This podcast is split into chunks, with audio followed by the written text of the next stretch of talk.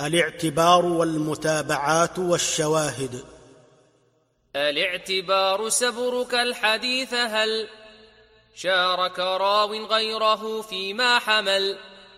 عن شيخه فإن يكن شورك من. معتبر به فتابع وإن. شورك شيخه ففوق فكذا.